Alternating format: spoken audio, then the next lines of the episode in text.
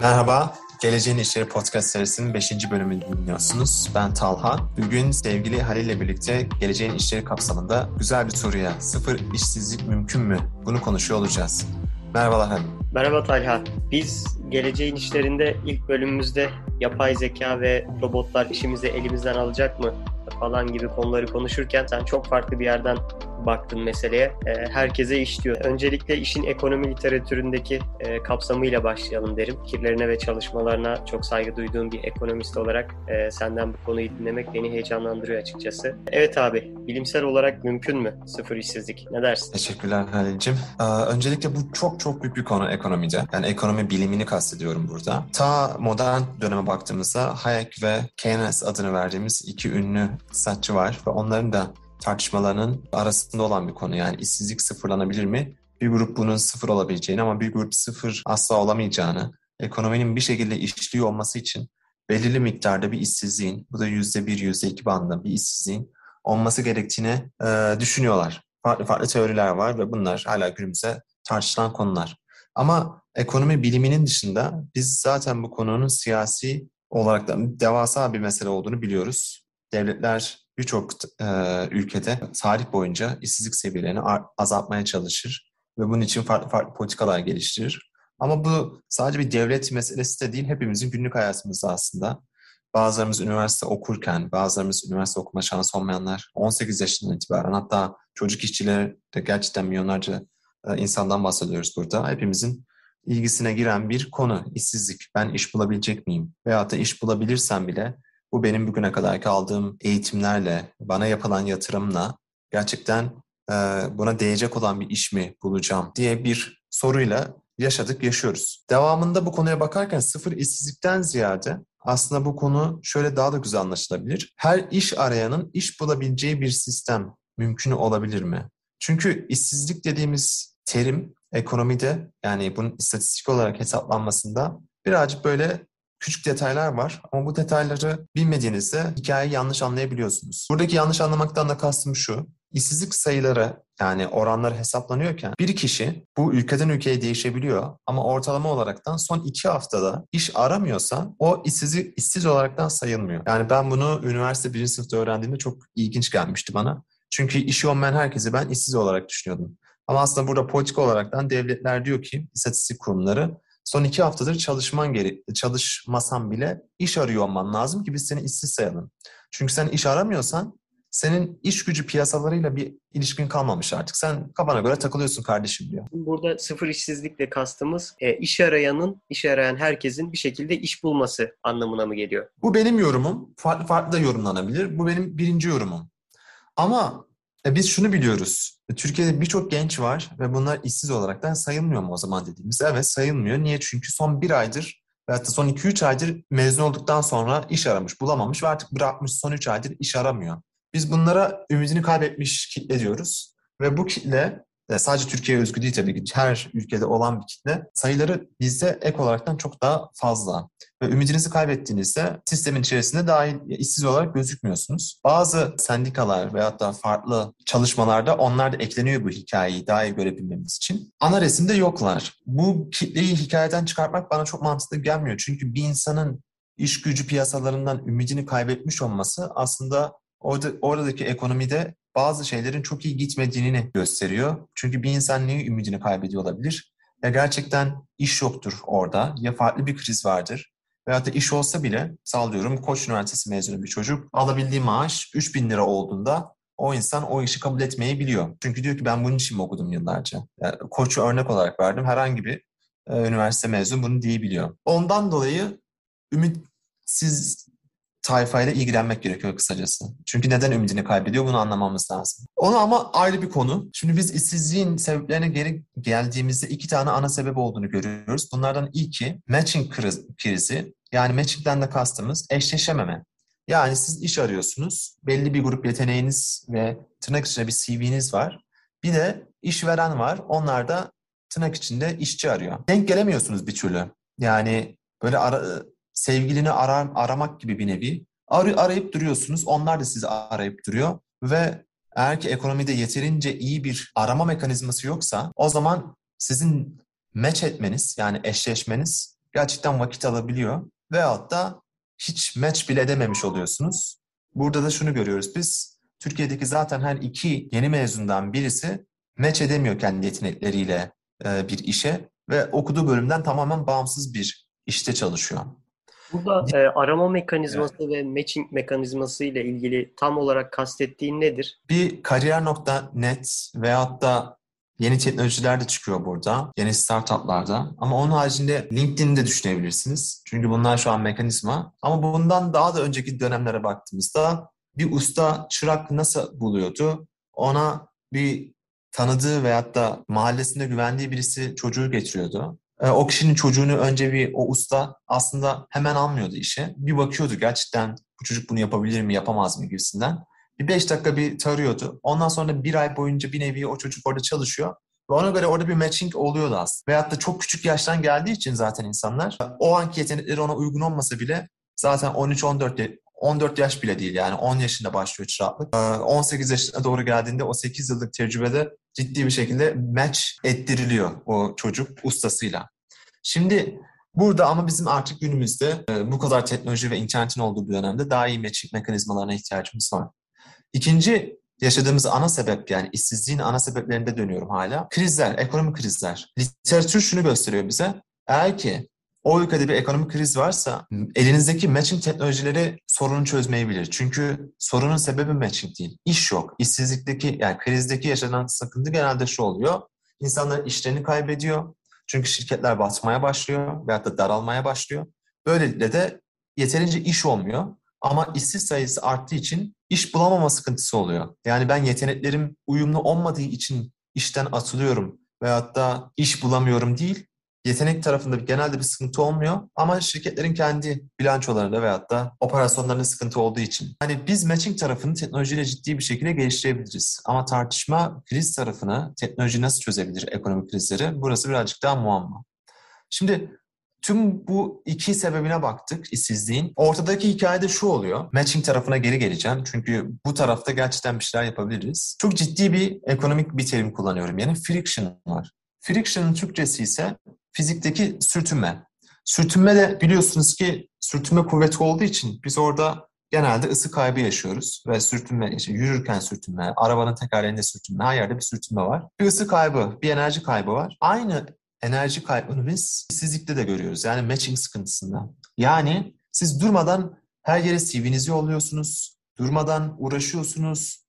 Aralara birilerini katmaya çalışıyorsunuz. Yani dördüncü sınıfa gelen bir kişi üniversitede belki de bir yılını buna veriyor. Zaten süreler de bunu gösteriyor. Burada da yapılmış anket çalışmaları var. Yeni bir mezunun iş bulma süresi 6 ayla 1,5 yılı sürebiliyor. Bu çok çok yüksek, uzun bir dönem. O sebeple sürtünmesi çok yüksek e, Türkiye gibi ülkelerde. Bu sürtünmenin bizdeki karşılığı ise şu an konuştuğumuz kontekste hız kaybı. Yani bir buçuk yıl sürüyor. Biz bunu daha da hızlandıramaz mıyız ama neden bu kadar uzun sürüyor gibi bir tartışma var. Biz belki de bunu hızlandırabilirsek az önce bahsettiğim iki tane ana sebebi vardı işsizliğin. Matching ve kriz. Belki matching tarafını çözebiliriz. Çözebilirsek işsizlik seviyelerini %10'lardan, 20'lerden daha da aşağılara %5'lerin altına indirebiliriz. Bunlar oluyorken ama bambaşka bir tartışma da var. Birazcık da ona değinmek istiyorum. Şu an sıfır işsizlik olabilir mi? Yani arayan, iş arayan herkesin iş bulabildiği bir dünyayı konuşuyoruz. Ama bir grupta diyor ki kardeşim bırakın sıfır işsizliği, %100 işsizliğe doğru gidiyor dünya. Buradan da kastımız şu, teknoloji ve robotlar her geçen gün hayatımızda çok daha ve yani teknolojiden kastımız özellikle yapay zeka hayatımızda çok daha fazla görüyoruz. Siz zaten İlk dört bölümde bu konulara değinmiştiniz. Gerçekten ilgili arkadaşları oralarda yönlendiriyorum. Eğer ki ilk defa dinliyorsanız. Bunları bazılarınız farkında değilsiniz. Yani yapay zeka ile bir yarış içerisinde olduğunuzu. Ama LinkedIn'de takılanlar özellikle bunun farkındadır. Benim yetenek suvarileri adını verdiğim bir kitle var. Ve bu insanlar her iki ayda bir, her ayda bir yeni bir yetenek buluyor. Ve bunun reklamını yapıyor. Yani diyorlar ki hadi Halil bu hafta bu hafta Python öğreniyorsun. Ve öyle bir hype dediğimiz, öyle bir enerji yaratıyor ki gerçekten siz oturuyorsunuz ve başlıyorsunuz Python öğrenmeye. Çünkü onu öğrenmezseniz geride kalacağınız gibi bir his var. Bir yarışın içerisinde olduğunuz belki farkında değilsiniz ama geride kalma hissi gay- gayet orada valid, var ortada var bir şey. Şimdi siz o yarışın içerisindesiniz ve Python'ı öğrendiniz. İki ay sonra bakıyorsunuz ki o aynı kişi bambaşka bir yazılım dili öğrenin diyor. İşte Julia olabilir mesela. Belki çoğunuz duymadı. Şimdi diyorsunuz ki ya kardeşim ben Python öğrendim orada. Niye? O diyor ki ya geçti onun devri artık. Kitlenin büyük bir kısmı e, troll gibi düşünebiliriz ama geri kalan %20'lik kesim gerçekten piyasadaki doğru bir şeyi görüyor. O da bizim kazandığımız yeteneklerin çok büyük bir kısmı işlevsiz hale geliyor. İşlevsiz hale gelmesi şu demek, artık onun önemi yok. Bunun iki sebebi, ya birçok sebebi olabilir ama aklıma gelen iki sebebi şu. Bir, o işe gerek yoktur artık piyasada. O meslek ölmeye başlıyordur. Mesela ATM'ler çıkmadan önce gidiyorduk biz bankalara ve orada bir memur oluyordu. Ondan para alıyorduk. Artık böyle bir memura ihtiyacımız yok. Çünkü ATM teknolojisi var. Ve ikinci sebebi de artık yapay zeka gibi teknolojilerin gelip sizin yaptığınız işi yapabiliyor olması. Yani az önce verdiğim örnekte olduğu gibi. O sebeple şu an günümüzde yapay zeka kendisini çok hızlı bir şekilde geliştiriyor. Arkadan gelişen ayrı bir robot teknolojisi var. Bir de bu ikisinin birleştirildiği yapay zekalı robotlar da var ki onlar zaten daha enteresan işler yapıyor. Ya Amazon'un mesela görmüşsünüzdür e, ABD'deki birçok e, büyük deposunda artık insanlarla beraber robotlar çalışıyor. Yapay zeka insanların otomatize bir şekilde yapabildiği işleri, işlerin yerini alabilecek bir pozisyona gelmişken insanları artık o robot olmaktan kurtarıp daha insani yeteneklerini geliştirebilecekleri alana doğru gönderiyor gibi geliyor. Bundan dolayı çok iyi bir şey. Yani e, insanlar daha mutlu olabilecekleri işte çalışabilecekler, daha çok üretken olabilecekler. E, böyle bir yere doğru da gidiyoruz gibi geliyor bana. Buranın bir riski var mı? Buranın gidebileceği e, kötü bir taraf var mı sence? Doğru. Bu klasik Mark Zuckerberg ile Elon Musk'ın yapmış olduğu tartışmayı aslında sen açtın. Oradaki hikayede şöyle abi. Diyor ki veyahut da senin bahsettiğin örnekten devam edecek olursak gerçekten biz bu robotları o zaman alalım madem böyle robotlar gelişiyor. İnsanların en çok hayatını kaybettiği işlerde kullanalım. Nedir bu? İnşaat mesela. Veyahut da madencilik gibi gerçekten veyahut da itfaiye. Böyle fiziki olaraktan çok zor işlerde kullanalım. Onun haricinde beyaz yaka tarafında evet fiziki olaraktan çok iş yok ama beynimizi çok kullandığımız işler var. Ve bazı işler gerçekten çok otomatize işler. Yani bir keşke bir robot gelse de bunu yapsa dediğimiz işler. Ki bununla alakalı yeni bir meslek çıktı RPA diye. E, bu tür prosesleri şirkette inceliyor bir grup eleman ve onun için yapay zeka geliştiriyor. Ve gerçekten o otomize işleri bir yapay zeka yapıyor gibi. RPA. Böyle bir şey var ve gerçekten böyle baktığımız hikaye e, o zaman iyi ya bu. E, yapay zekadan korkmamıza çok fazla gerek yokmuş dememize sebebiyet veriyor. Ama diğer taraftan hatta şöyle bir iddia da, iddia demeyeyim ama güzel bir çözüm de var. Deniyor ki yani fiziki zor işleri, pis işleri robotlar ve yapay zekalı arkadaşlarımız yapsın. Biz insanlar olaraktan daha fazla kendimizi keşfedebileceğimiz insani yeteneklerimizi veyahut da işte human skills, soft skills, bu ince yeteneklerimize kendimizi verelim. Ama orada da şöyle bir tartışma daha var. Elon Musk tayfasının demiş olduğu. Siz bu kadar yapay zeka ve robotlara yatırım yaptığınızda o yapay zekalar belli bir noktadan sonra kendileri şunu yap, ya kendileri yaratıcı olmaya başlarsa, kendileri tasarım yapabiliyor olduğunda yani bu insani yetenekleri bizden daha iyi e, bize taklit ederekten yapmaya başladıklarında o zaman ne olacak? Yani belki o zaman kendileri it, itiraz edecek gitmeye o madenlere. Ya da daha farklı roller üstlenmeye çalışacaklar toplumda gibi. Yani bu bir Pandora'nın kutusu. Siz bunu açtığınızda ya sen sadece şurada küçük bir alanda çalış diyerekten olmuyor ki. Zaten biz ne görüyoruz şu an? Önce tatlı, küçük ev temizleyen robotlarla başladı bu iş ki çok hızlı oluyor bu dönüşüm son iki yıldır. Ve şimdi de e, bunların çok daha farklı versiyonları çıkmaya başladı. Konudan çok sapmamak için ikinci bölüm hatta yaparız belki abi. Orada da sıfır işsizliğe gelme noktasında teknolojinin rolüne değinebiliriz. Ama son cümlelerimi şöyle toparlayabilirim çok da uzun tutmamak adına. Az önceki bahsettiğim teknoloji, robotlar, yapay zeka hikayesine şöyle bir çözüm üretiliyor bir kesim tarafından. Universal Basic Income evrensel temel bir şeyimiz olsun, gelirimiz. Daha da spesifik olalım. Deniyor ki işte Türkiye'deki herkese biz 5000 lira para verelim. Çalışmayan herkese.